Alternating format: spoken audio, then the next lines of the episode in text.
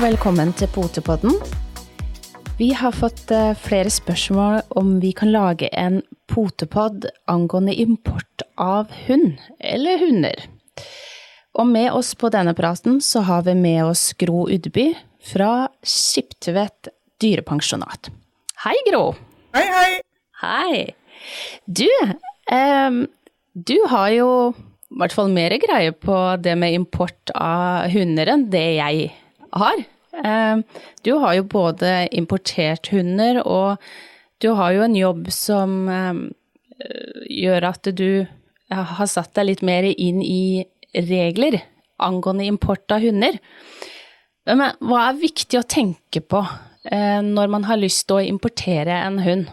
Ja, jeg kan jo først fortelle litt hvorfor jeg har eh, litt, lite grann peiling på det. Mm. det er at jeg har tidligere drevet karantenestasjon eh, for hund og katt.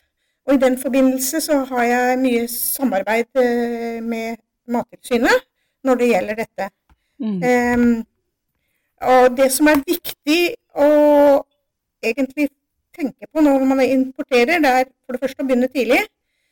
Eh, og så ta kontakt med folk som kan det. Og Mattilsynet er jo de som sitter og skal eh, overholde dette regelverket. Som er mangslungent, og som også forandrer seg litt etter hvert. Ja, Så det er veldig viktig å få med seg. men hvordan skal man eh, gå fram, hvordan skal man starte? Eh, for det er jo utrolig mange forskjellige ting som skal på plass, og som du sier så eh, skal man starte tidlig, men hvor tidlig? For dette er jo ikke noe som du kan fikse kanskje i løpet av en måned, eller? Det kommer litt an på hvor du importerer fra. Det fins og, og hvordan du skal importere. Eh, Mm. Det fins to regelverk egentlig. og Det ene er eh, privatimport, som de fleste av oss egentlig mener vi holder på med.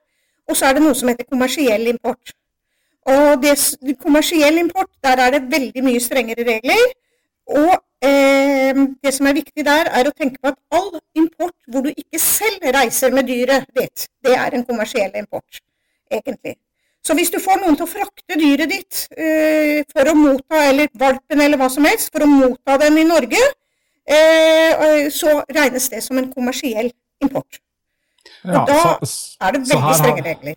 Ja, så her eh, Altså, så enkelt som at hvis jeg skal importere en valp, eh, og har kjøpt en valp i utlandet, så bør jeg absolutt reise og hente den sjøl. Absolutt. Ellers så skal du virkelig ta kontakt med noen som kan det, og som har det, for da skal det eh, gås fra en godkjent eh, eh, eksportør i det landet hvor den eh, kommer fra, og den skal mottas av en godkjent importør i landet her. Så, så det, det er veldig strengt. Eh, så for, for de fleste av oss så vil det være eh, best å reise ned og hente valpen. Mm. Ja, for det er jo det, det er jo, For aller fleste her da, så er det jo snakk om uh, stort sett kanskje en valp, eller kanskje en en, en uh, gatehund eller en Ja. omplassering. Altså det er jo klart, det er jo litt forskjellig type uh, import. Ja. Og, og, og det er jo derfor de er så veldig strenge med disse såkalte kommersielle importene. fordi de vil jo ikke ha inn masse gatehunder og masse sånne ting som man ikke har kontroll på egentlig. Eh, hva de eh, har vært ute for og hvilke sykdommer de kan eh, bære med seg. og sånn. For det, det fins en del sykdommer som eh, eh, florerer, som egentlig vi ikke kan verken vaksinere eller eh, være sikre på.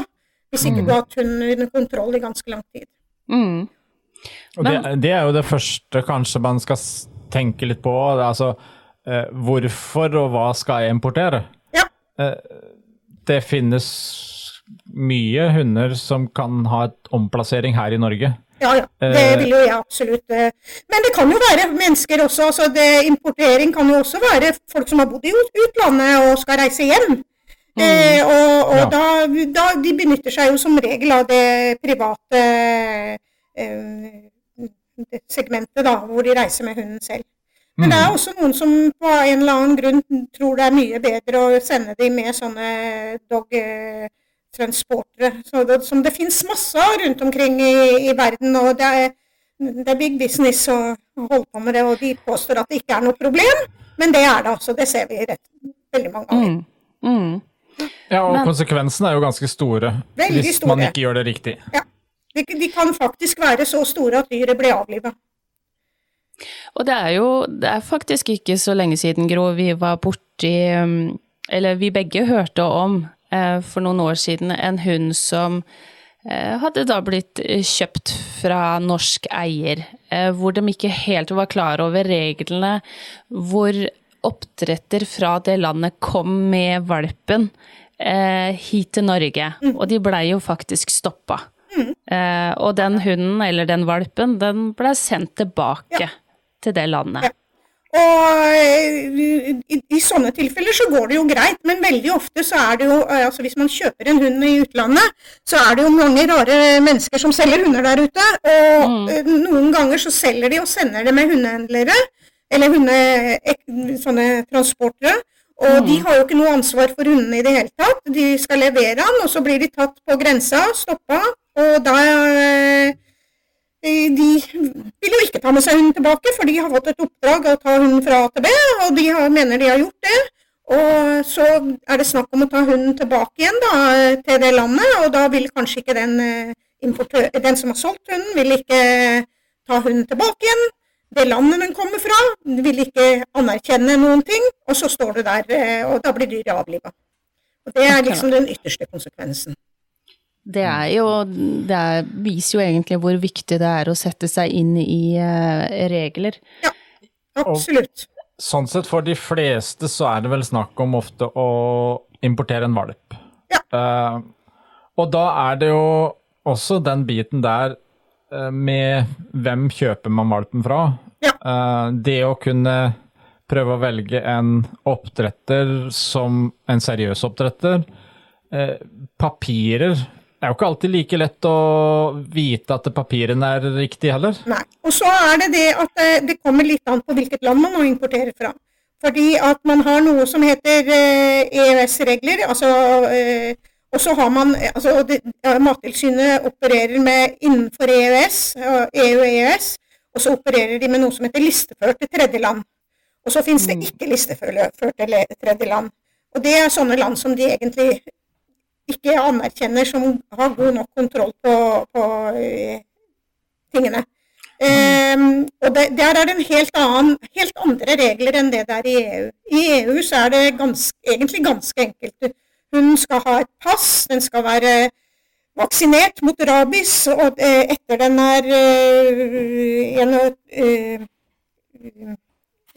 ja, etter den er eh, Hvor mange uker er det? Nå står det plutselig helt stille for meg. Er det tolv uker? Tolv uker, ja. Og så skal det gå 21 dager etter det, så kan du importere hunden til Norge. Mm. Og så skal den ha uh, ormekur. Det blir Ja. egentlig på samme måte som når vi reiser med hundene våre. Og det er jo for så vidt ganske, ganske enkelt. Mm. Eh, og den skal være kippa, selvfølgelig. Eh, en ting Ja. som er veldig viktig der, det er at kippen skal settes inn før vaksiner på disse tingene blir gjort. Ellers så blir det ikke godkjent. Det nytter ikke å sette en rabiesvaksine først, og så komme og sette kippen etterpå. Som faktisk veldig mange veterinærer i utlandet foreslår, for de sier at det er så stressende for hunden, så vi setter vaksinen først, så har vi gjort det, og så kan vi sette kippen etterpå. Og så setter vi datoen da eh, den 19., og så kippen den 20. Da gjelder ikke Ah. vaksine. Og da vil du også risikere trøbbel på grensa. Da får du trøbbel på grensa, ja. For da er den ikke, da er den ikke vaksinert per eh, definisjon. Den har ingen Nei. dokumentasjon på at det er den valpen du har vaksinert. Så altså skippen må settes først, samtidig, og så kan du vaksinere? Ja, eller samtidig, det går helt fint. Men det må Ja. ikke settes etter vaksinen er satt. Og der er jo også en en, liten ekstra jobb for da oss som skal importere, å passe på å finne ut av papirer, få se vaksine, skippapiret på forhånd. Og, og, og eh, se på dette med datoer. Eh, og det er jo enda verre når du kommer fra et ikke-listeført eh, tredjeland. Eh, fordi der skal hunden, i tillegg til å ha eh, rabiesvaksine, så skal det tas blodprøve, og det skal gå så og så mange eh, Der er det også noen datoer som De har variert litt, men Eh, Du setter vaksinen som vanlig, og så tror jeg det skal gå tre To måneder, eh, og så skal det gå tre måneder, eller Jeg tror du kan ta blodprøven etter 30 dager, og så skal det gå fire måneder etter det, eller noe sånt, tre eller fire måneder etter det, Mm. før du kan ta hunden inn. Og eh, jeg kan jo fortelle, og jeg importerte selv en hund fra Ukraina, og jeg mener meg veldig, eller ganske dreven i dette her. Mm. Eh, jeg hadde heldigvis sendt Jeg hadde tatt kontakt med eh, eh, Gardermoen, eh, veterinærene på Gardermoen. Eh, de har veldig, anbefaler alle å gjøre hvis de skal eh, importere, for de har veldig peiling, og de sitter med det siste alltid. Eh, og jeg hadde sendt inn alle papirene til de etter hvert som de vaksinerte, etter hvert som passet ble utskrevet, de kippa, de vaksinerte, alt sånt. Så sendte jeg inn de forskjellige papirene. Blodprøvetest og alt sammen. Og så eh, kom vi til den dagen vi var og henta hunden, og det er eh, litt annerledes i de landene enn det det er eh, hos oss. Det var mye armer og bein og stempel og whatever inne på flyplassen. Og da fikk vi det såkalt CITES-sertifikatet, som, som er det som sier at dette er en, en, et dyr som kan, har papirene i orden, og som, er, som skal følge alle dyr i, egentlig på sånne grenser. Ja. Eh, Ja. eh, Og eh, de stempla og de herja, og jeg, man sto der faktisk og var litt forvirra. Og mye andre rare mennesker og tollvesen og jeg vet ikke hva. Men vi kom oss nå av gårde med denne hunden og kommer på Gardermoen. Heldigvis kjente jeg de. Heldigvis hadde de fått papirene på forhånd. For da sier han at ja, men her, her har hun jo skrevet at hun har satt inn chipen i dag. Da hadde hun skrevet Oi. eh, For det er et sånt felt hvor det står eh, 'innsettelse av chip'. Eh, og de leser det som 'har bikkja chip'? Ja, den har det. De bare eh, sjekker at de har kontrollert at bikkja har chip, og setter Ja. den dagens dato, altså den dagen vi reiste. Mens det som egentlig skal stå der, er den dagen chipen ble satt inn. Og da får du det samme problemet. At det, for passene gjelder ikke fra men, men vi hadde jo bevis på at den var satt inn før, så Ja. det, det gikk. Men man skal være sinnssykt nøye. Ja, og jeg tenker det- er jo ikke alle som er eh, på en måte så dreven som det du er i, i regler og sånne ting, så hadde man vært veldig uheldig der. Så hadde man jo ikke fått uh, hunden med seg, Nei, rett og slett. nei så, så det der, er veldig Og det der med å sende inn papirene på forhånd og be om er dette her i orden og, og alt og sånt, Mm. og så, så vet de jo at uh, da, kan de jo liksom Men hvis du bare kommer med det papiret, og så er det skrevet at uh, bikkja har fått chip i dag, liksom, da, da er det Ja, da er man litt ille ute, men jeg tenker eh, Eh, Er det Det vil si da også at eh, litt avhengig av hvilket land og sånn, hvor gammel valpen er når den eh, kommer til landet, altså hvor lenge det må stå Enten må de stå i karantene eller eh, sånne ting. Ja, i prinsippet må de ikke stå i karantene overhodet, og de skal egentlig ikke det. Men det, det, det som det varierer, er jo hvor tidlig du kan få, få gjort alle disse testene og få tatt Mm. inn. Eh, det, eh, fra disse ikke-listeførte landene så blir jo eh, valpen nærmere seks måneder når du får han til Ja. landet. Ja. Eh, det var er det jeg syns- Ja. Det var det jeg syns vi har uh, snakka om tidligere, og med, med din, at han var jo nærmere seks-syv Ja, måneder da han da ja, han var kom. det. Mm. Ja. Så, så det skal man jo også tenke på når man kjøper hunder fra de landene, da. Mm. Så så er ikke Aha. det det strengeste. Det strengeste tror jeg å få å, øh, Altså det å få hund inn til Island er jo enda verre, for de skal jo ha så mye tester at det, det Ja. Og det går Ja, og, på og veldig det er, sånn jo ikke, s- det er jo ikke så lenge siden du leverte en valp til Island. Eh, og det husker jeg du sa òg, at det var ganske mye som skulle til for å, å få det der i orden. Ja. Så der er det da sånn- helt andre regler. Ja, de har helt andre regler, og der må de i karantene. Og, og det, det Der er det veldig sånn at en skal ha tester for det, og det skal ikke være eldre enn så og så gammelt, og så skal det ikke Noen andre tester som må være eldre enn sånn og sånn, og veldig mange. Og der hadde vi også klart å gjøre en feil. Og der må du til Mattilsynet og, eh, og få en sånn sjekk over at alt er i orden, før du sender eh, Så sender du papirene på forhånd. Mm. Eh, og da fikk vi tilbake at nei, men her hadde vi jo glemt eh, eh, mot en eller annen parasitt. en eller annen parasittbehandling som var glemt. Og den hadde jo fått parasittbehandlinger både opp og i mente, den der bikkja. Men akkurat det som gjaldt den, den hadde vi. Og det hadde jo heller ikke veterinæren på Mattilsynet klart å se. Nei. Nei. Nei. Så det, det, er, det er ikke bare enkelt, altså. Så hos oss er det faktisk ikke så veldig gærent. Men det, men, eh, men det er en del sånne obs. Og det viktigste man kan si, det er jo å ta kontakt med, med Mattilsynet. Og jeg anbefaler absolutt Mattilsynet på Gardermoen. Mm. det heter BIP Gardermoen. Border Inspection eh, et eller annet. Men eh, du sier Gardermoen, veterinærene på Gardermoen. Eh, det gjelder jo da hvis du på en måte kommer med fly. Ja, på en måte så gjør det det. Men kommer du fra et ikke listeført tredjeland, så er det bare Gardermoen eh, og Storskog du har lov til å ta hunder innover. Ja, Ah. så jeg, Og Storskog er oppe i Finnmark. Så det er veldig lite aktuelt. Hvorfor det er der, det skal ikke jeg si. Men eh, det er de to stedene du har lov til å ta inn hund.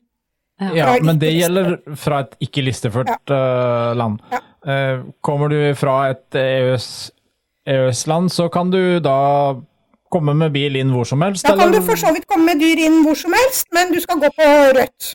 Ja. Mm. Eh, det blir jo ikke alltid gjennomført, og det er ikke alltid tollerne vet det heller. Eh, så, men plutselig så står det en toller der som er veldig oppmerksom på det.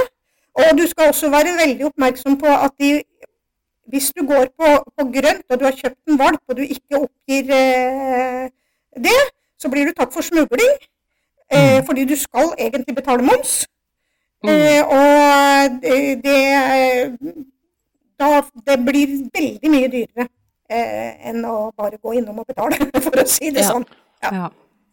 du Men, eh, betaler vel dobbelt av, av valpen, tror jeg. Som, Sånn cirka, ja. Ja.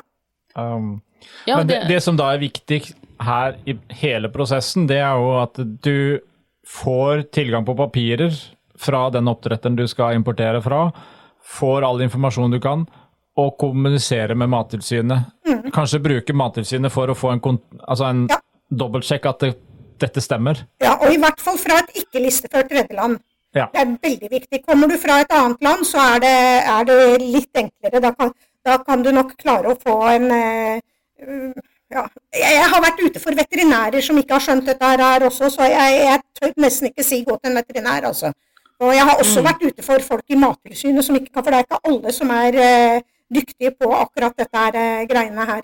Så, så det Ja, jeg men, eh, men egentlig står det ganske greit, i hvert fall for så er det lett å finne det på, for eh, hunder som kommer fra EØS eller listeførte tredjeland, de som er godkjent. Der står det ganske greit på mat, fra Mattilsynet. Eh, og det er en, en ganske ok veileder hvor du bare slegger inn eh, de kriteriene jeg skal ha vært der og der, skal hente hund, én hund, hvor gammel er den, og så får du opp eh, litt grann, eh, om det er ok eller ikke ok. Ja.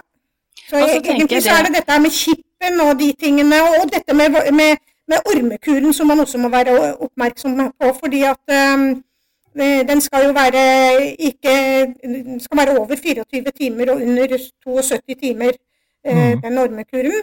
Og er den ikke det, så blir hunden tatt eh, og putta oppå der hvor de har eh, forvaring av hunder på, på ved Gardermoen. Og det blir ganske dyrt.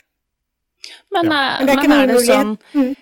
Som du sier at det blir dyrt, men er det sånn at det blir dyrt, men du får heller ikke hund ut med det første, altså må den stå i karantene der? Ja, ja. ja da er det snakk om eh, eh, et døgn.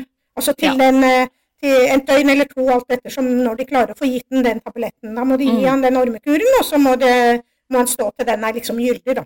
Så det, det er ikke det helt store, men allikevel er fullstendig bortkasta, for å si det sånn. Mm, ja, Ja. ja, det er helt klart. Og kanskje en liten valp blir putta inn på et sånt på, altså det, de, de er veldig greie og gjør en god jobb, det er ikke det, men det er jo ikke det vi ønsker oss. Nei. Det, uansett hvor flinke og gode de er, så er jo ikke den beste starten for en valp som Nei. er på reise. Så det er ikke noe Og det er kanskje noen- reist eh, langt fra før av. Mm. Men jeg tenker òg at For vi snakker jo nå om eh, hvis man har kjøpt seg valp, men jeg tenker òg at dette er jo en ganske viktig informasjon for hvis man er oppdretter, ja. og har f.eks. en valpekjøper fra et helt annet land som har kjøpt valp, og du skal få frakta den her eh, over. Nå Så er det ikke alle viktig. land, eller det er vel veldig få land som eh, praktiserer dette her like strengt som Norge. Eh, Så jeg har jo, og jeg har jo selv se, sendt hund, men det var pga. koronaen, eh, fra Norge til eh, England. En som flytta hjem, og måtte reise i hurten og sturten på, på, eh, på grunn av koronagreiene for å komme seg hjem til England. Mm. Og eh, så måtte han få hunden inn etterpå. Og det gikk jo greit, men han ble jo stoppa på grensa, og de ringte meg og lurte på om han hadde stjålet hunden, og det var mye rart, for å si det sånn. Men, eh, men de, Ja, jeg ville vært litt skeptisk i alle fall, for, fordi at eh, eh, Jeg skulle i hvert fall visst hvem den, den der eh, som kjører bikkja er, før jeg sender den med, og fått noen referanser og litt sånt noe, for det er mye rart Ja. her. Jeg har møtt eh, eh, sånne hundetransportører som ble stoppa på Gardermoen i sin tid med eh, mange Bare fem katter som var gjemt inni bagasjen til de, og den var sendt i bagasjen, altså som bagasje. Ikke, altså, ikke i dyregreier. Og, og som smugla det inn da, og prøvde å smugle det inn. Så ja. Men sjansen for at en sånn katt overlever, er jo ikke Nei, du vet i hvert er fall ikke så stor. Det er jo ikke De overlevde jo disse, da, men, eh, men eh, ja. Det Altså, jeg har jo sett åssen de behandler kofferter der. De kommer jo ut i huta med hei, så Ja. ja. Det det er jo ikke noe behandling for dyr. Nei, jeg vil ikke verken at pappa eller bikkja mi inn i noe sånt. Så Nei. Nei, men det, det- sånn som du sier det her også nå, det vi har gått gjennom, så er det klart at det, det å sjøl være sikker på at du får sjekka alt av dokumentasjon, kontrollere med Mattilsynet, og dra og hente valpen, hunden, sjøl. Ja. Fordi at da kan du også få sjekka papirene med utførselen der, at det er klart for innførsel i Norge. og så gå, på, jo- gå på rødt. Og så gå på rødt. Mm. Så, så er det det- jo da burde så det være Og da er det egentlig ganske greit, altså. Så det er jo som du eh, reiser med din egen hund, egentlig. Det eneste det er at du må betale moms.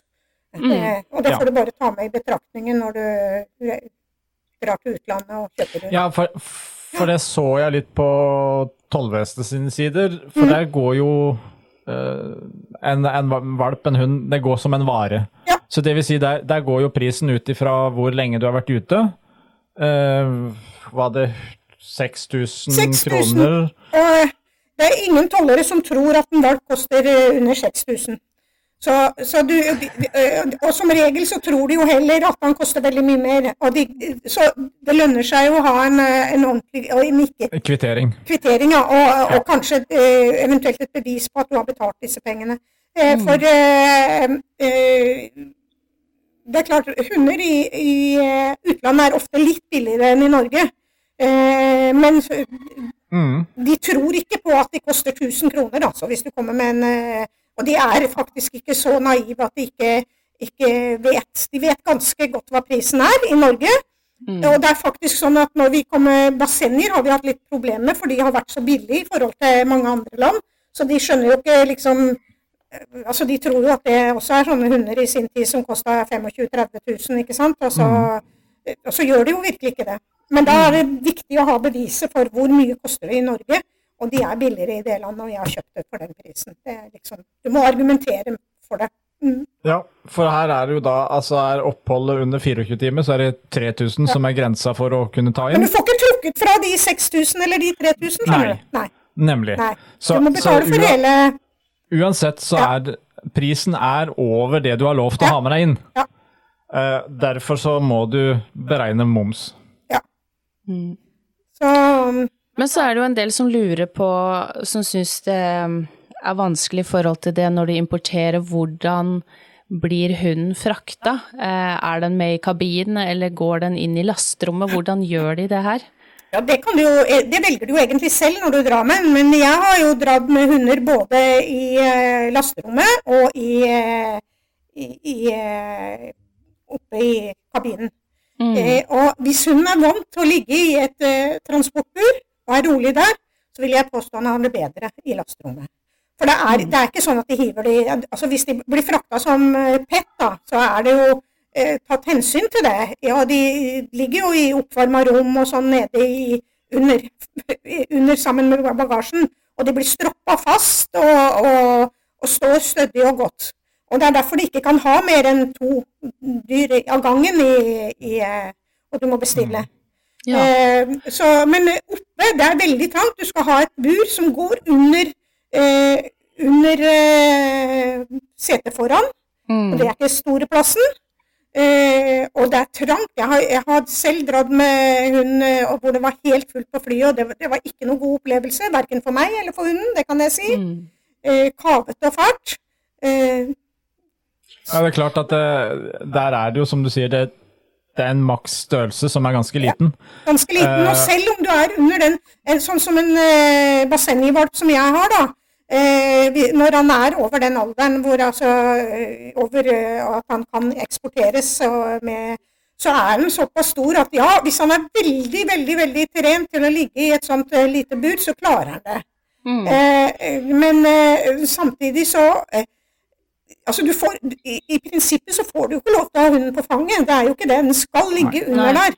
Eh, og eh, får du da en- sånn som jeg gjorde den ene gangen, ble sittende midt mellom to kjempesvære, digre gubber, og, og det- det- bikkja var- begynte å stresse, og da begynte jeg å stresse nedi der, og Mm. det, var, nei, det var ikke gøy, kan jeg love Nei. dere. Det var helt forferdelig. Så Nei, jeg det- vil jo si at skal du kjøpe en valp på utlandet, så skal du be de om å trene hunden til å ligge Mm. eh, i bur, uansett om det er et bur som skal i kabinen eller eh, eh, i, eh, I, kabi ja, i i lasterommet. lasterommet. Ja. Og eh, er, hunden, er det litt størrelse på hunden? Eh, det er klart det er forskjell på en liten chihuahua eller eh, en eh, Mm. litt større valp, men så vil, vil jeg anbefale å ha den der nede. Ja, og det er jo det vi skal huske på. Du sier som valp, men det å hente valp på et fly innad i Norge, Ja. da er de åtte uker. Men skal du importere, så er de over fire måneder. Mm. Og størrelsesforskjellen her er jo litt vesentlig. Fordi at jeg ser jo Vi har sendt av gårde tre valper eh, på åtte uker, eller ni uker, eh, rundt her i Norge, da, men på fly. Eh, og der har vi jo trent i forkant med et bur. Eh, og vi opplevde nå i fjor, var det vel, eh, to stykker som skulle av gårde. Og begge hadde godkjente sånne myke transportbur, som de skulle ha da under setet.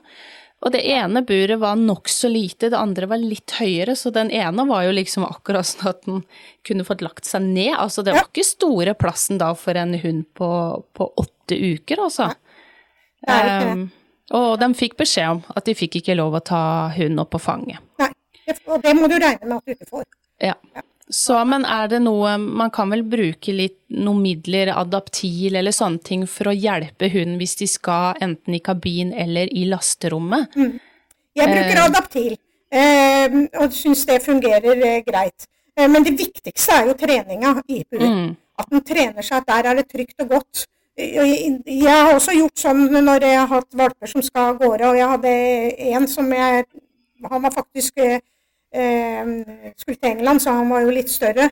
Og han trente jeg i et sånt bur under setet. Og jeg gikk jo rundt og bar han eh, liksom i den veska, da. Mm. Eh, fram, altså Istedenfor å gå på tur, stakkars med han, så ble han båret rundt i den der veska. Nettopp for at han skulle roe seg. Eh, eller føle trygghet. Og da går det helt greit hvis de blir veldig trygge. Men får de hetta nedi der og får litt panikk, så blir det ikke bedre. Nei. Det gjør det ikke. Nei, og jeg tenker sånn som Frank sier, enten så har du store hunder, eller så har du sånn som eh, den du importerte, som da er mellom seks og syv måneder, og de er jo altfor store. Så de må jo i lasterom. Lastet. her, her gjør, gjelder det også å kontakte flyselskapet du skal reise med, og få litt informasjon fra Ja. de òg. Jeg tror det er kilo de, de eh, aksepterer eh, inntil åtte kilo bur pluss hund. Og det blir det jo ganske fort. Ja, Ja. Og, eh, og så er det en høyde som Ja, den er ikke veldig høy. Jeg lurer på om det er 30 cm. Ja. Det er i hvert fall ikke mer totalhøyden på Mm. Nei, for, for å ha inn i kabinen. Ja. Ja, det er men, ganske eh, smått. men eh, buret som du skal ha i, eh, i eh, lasterommet, skal jo også ha en viss størrelse. Hunden skal kunne reise seg og stå oppe. Og der har jeg også opplevd at eh, de har avvist eh, hunder. Ja, av buret. Altså for, de mener er eh, for lite. Og det som er litt eh, trist der, er at eh, de, de som sitter og tar, sjekker inn, det er jo de som skal vurdere dette, og de har som regel ikke peiling. Mm. Eh, så jeg mener jo at et for stort bur er like gærent som et for lite, for å si det sånn. mm, Ja. Men Eh, det, men det er jo ikke lett å vite egentlig bestandig hva som er innafor regler på bur, for jeg syns det varierer litt fra selskap til selskap. ja, det gjør egentlig ikke det, det men, det, men det er hvordan de håndhever det. Eh, Nettopp. eh, eh, varierer nok. Mm. Eh, men det, det, de skal kunne stå oppreist med klaring over hodet. Eh, og- og de skal kunne snu seg, og de skal kunne legge seg. Liksom, Det er det som er Altså stå i hele sin lengde. ja, og så skal det være litt eh, kvalitet på et reisebur der, altså som tåler Ja, det, der er det veldig strenge krav. Du kan ikke komme med et sånt trådbur. Det, det er ikke. Nei. Det skal være tett i bunnen og, og litt solid. Mm. Så det er også en ting man må passe på å sjekke opp, Ja. og passe på å klarere med eventuelt da eh, den oppdretteren du kjøper fra. Du, Jeg hadde med meg bur selv. for jeg, Ja. altså, Det man også skal være veldig oppmerksom på, det er låsen på burene. Eh, fordi at eh, Jeg har jo selv opplevd en hund som kom seg ut av eh, buret under lossing. Fordi de løfter jo både her og der, de, de folka. vet du, de er ikke, Og da åpna de, tok de i burdøra og, og tok i låsen, og da åpna låsen seg. Ja. Og hunden ut på rullebanen. Uh, Og såpass, ja. Ja. Uh, hvordan fikk dere hanka inn igjen den? Den, eh, det var uh, Oliver, som du kjenner godt, Ja. på eh, Gran Canaria. Og han eh, løp jo ut, kom seg eh, ut, i, og ut på parkeringsplassen. Og, så, og der går det en motorvei ganske tett på, som kjører ganske voldsomt. Men så var det en av eh, de eh, som skyldige, da, for å si det sånn, Mm. som eh, heiv seg etter han og fikk tatt han da. Og han fikk seg jo et bitt i fingeren, men det syns jeg vel egentlig bare han hadde fortjent. Det er vi vel enige om. så, så, men eh, jeg, jeg ringte jeg, jeg satt hjemme, og jeg ringte og hørte at han var på, på rømmen der. Og for å si det sånn, det var, det var ingen god følelse. Nei. Nei, det forstår jeg veldig godt, Ja. men da altså Hva kan du anbefale av lås? Ja, vi har jo noen ganger låst, men så er det noen selskaper som ikke aksepterer det. Eh, men, men jeg vil ha lås på, og så heller teipe nøkkelen oppå. Ja. Ja. Sånn at du Eh, får låst eh, selve burdøra, men at du ja. Og så ja. gjerne bruke noe strips eller noe. For det, men de har så mange rare Det er noen av de som har så mange rare ideer. Blant annet så skal det jo være to, en matkopp og en drikkekopp inni det der buret. Og det er også sånn hvis du skal kjøre en time, det er jo ja, det er, det er jo fullstendig bortkasta. Men Mm. eh, det, noen håndhever jo det med stor bravur fordi det står i regelverket. Så da må man altså høre med flyselskapet. Nei, det er bare å ha med en, to, to av de der bitte små plastkoppene som ikke er brukende til noen ting. Så bare putter du opp de inn, og så blå, sier Å ja, jeg har. Ja. ja. det, det er snakk om at det skal være der. Og det. Ja. Men det er jammen meg litt av hvert å tenke på. Ta med seg bur, godkjent bur, ha sjekka det på forhånd. Uh, og sørge for at uh, ikke minst også at uh, hunden blir trent, for det er jo Det er nok det aller viktigste. Mm. Ja. Så han ikke får hetta. For jeg har reist veldig mye med fly med mine hunder, og det akkurat like uproblematisk som å, å reise med bil. Mm. Ja, for man hører jo liksom de skrekkhistoriene om at det er flere hunder der, og det er mye støy og bråk, og det er så tøft for hundene å reise, og da vet det jeg jo at mange blir skeptiske. Det er ikke så veldig mye hunder der, men at det er mye bråk, det er det. Men det er det inne i kabinen nå. Mm. Og det er det i en bil også. Hvis hunden ikke er vant til å kjøre bil så og blir putta inn, så er det ikke noe særlig greit for, for uh, min. så er det ikke noe særlig greit, for, øh, for øh, hundene uansett. Altså ta en hund som aldri har sett en bil før, og så putte han inn i en bil og kjøre med han. Han vil sannsynligvis både bli bilsyk og hysterisk. Så så alt dette her er, her er trening. Og for en hund som er trent, og som er trygg i det buret, så spiller det ikke så stor rolle, tror jeg, med det støyen og alt det som er. Nei, Nei, altså, det, der er du inne på en viktig sak, at det er hunden eh, Og det er jo det vi snakker om med, med mange, altså i alle sammenhenger. Burtrening er faktisk veldig viktig. Eh, Og alenetrening. Ja, burtrening, alenetrening, dette går litt hånd i hanske. Og, og det at de kan ha tryggheten i buret, så spiller det ingen rolle egentlig om det buret står på et hotellrom, eller i en bil, eller i et fly. Eh, For da er de trygge der. Og da er det det stedet de er trygge på. Ja. Og det jeg vil tenke at det er ikke så stort verre enn om det torner ute for en hund som er redd for torn. Altså, mm. det, Men, men så er det nok sikkert uh, mange som lurer på, som ikke har importert eller hørt så mye rundt det, hvorfor importerer man? ja. Noen ganger så spør jeg meg sjøl om det. Men eh, eh, altså, så for, som en oppdretter så er det jo for å få inn nytt blod. Eh, helt klart. Men så er det jo veldig mange som nå, sånn som i disse tider hvor det har vært eh, eh, Og det, før også, når det var vanskelig å få eh, disse småhundene når de var kjempepopulære og det var vanskelig å få tak i, så, så var det jo produksjonsgreier eh, nedover. De produserer hunder på løpende fot og kunne selge billigere selvfølgelig enn i Norge. Og dermed så fant de ut at nei, da kunne de heller kjøpe en hund derifra.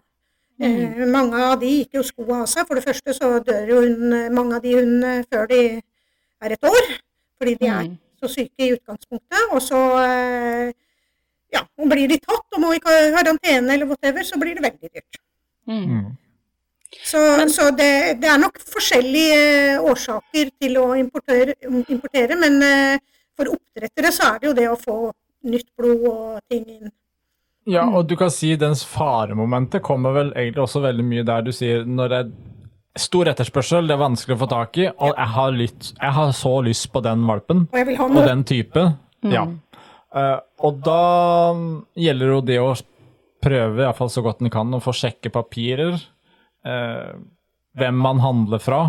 Uh, kanskje ikke minst også få hjelp av noen som kanskje har vært borti import fra før av. Absolutt. Eh, og ras, mattilsynet. ja, Mattilsynet, raseklubben, som kanskje kan hjelpe til å kjenne litt til eh, papirer og stamtavler, og, så man får sjekka at det ikke er en eh, sånn der produksjonsinstalt du handler fra. Så eh, Absolutt. uansett så er det jo Med import så er det veldig mye jobb som kreves av deg som valpekjøper. Og det er, altså, jeg, for mitt vedkommende da, så er det jo, det er jo ikke noe, det er jo ikke noe billigere. Fordi det koster ganske mye. Det er mye, mye utgifter med, med det. Ja, det er det absolutt, og, og, men det er, Det er det man som skal huske på. Ja. Det er, selv om det virker litt billig i forhold til Ja, om, prisen, eh, kanskje. eh, selv om valpen er noen kroner billigere, for å si Mm. det sånn, så skal du ha på moms.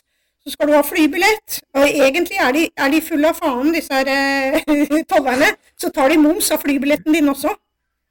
Å ja. Ja. Ja, ja. akkurat. Eller i hvert det fall av blir- flybilletten til bikkja, for å si det sånn. Ja. Mm. Ja, for det, den er også inn, innberegna Ja. i det importbiten. Og det er klart at eh, For vi hadde med jo faktisk ekstra helsesjekker, med reise, med alt det der, så er det ikke sikkert at sluttsummen blir noe særlig billigere. Den blir gjerne kanskje mer.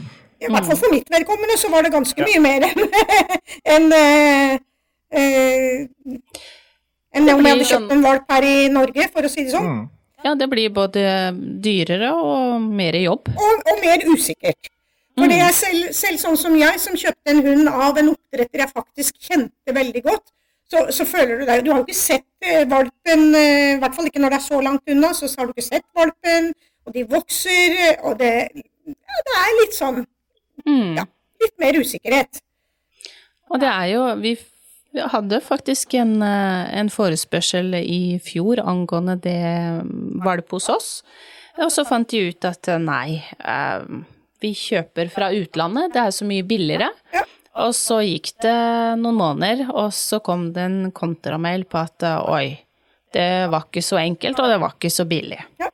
Så, så det er lurt å gjøre seg noen tanker om hvorfor og hvordan. Og hunder er faktisk ikke hyllevare, så det Nei. bør folk eh, tenke på. Dette er, Mm. er levende individer som eh, kommer når de kommer, og ja. Så selvfølgelig er det Men helt til slutt, Gro, har du noen eh, gode råd til lytterne våre eh, ut ifra det vi har snakka om, eh, som du anbefaler at de må sjekke og passe opp når de skal importere? Det ene er eh, vaksiner som kreves. En, å sjekke hvil, eh, hvilke vaksiner som kreves, og hvordan det skal settes, og hva som skal gjøres fra de forskjellige landene. Mm. Eh, at chipen er satt før vaksiner eh, settes, sånn at det er dokumentert. I Mm. passet at de har fått chipen før.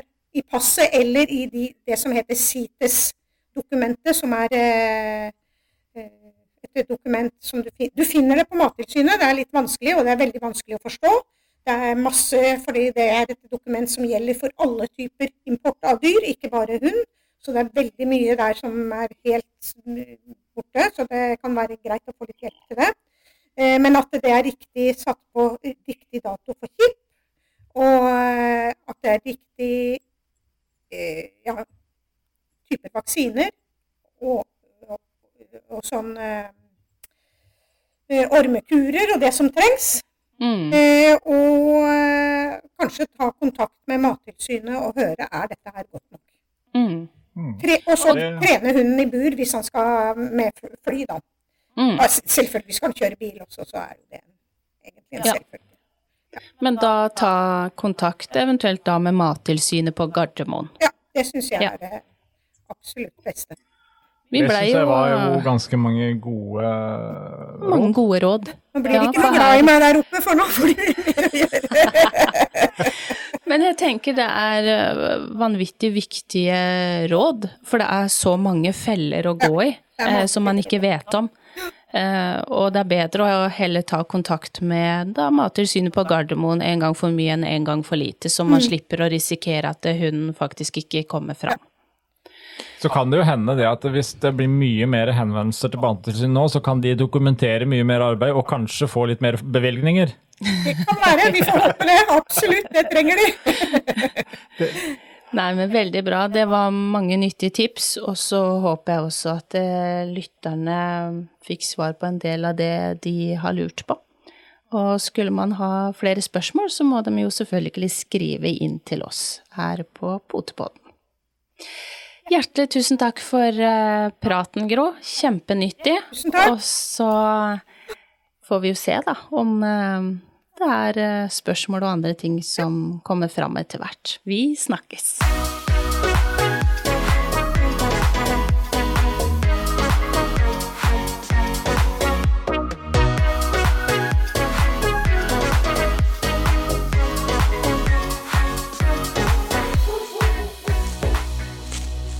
Potepodden, firebent prat laget av ckakademiet.no.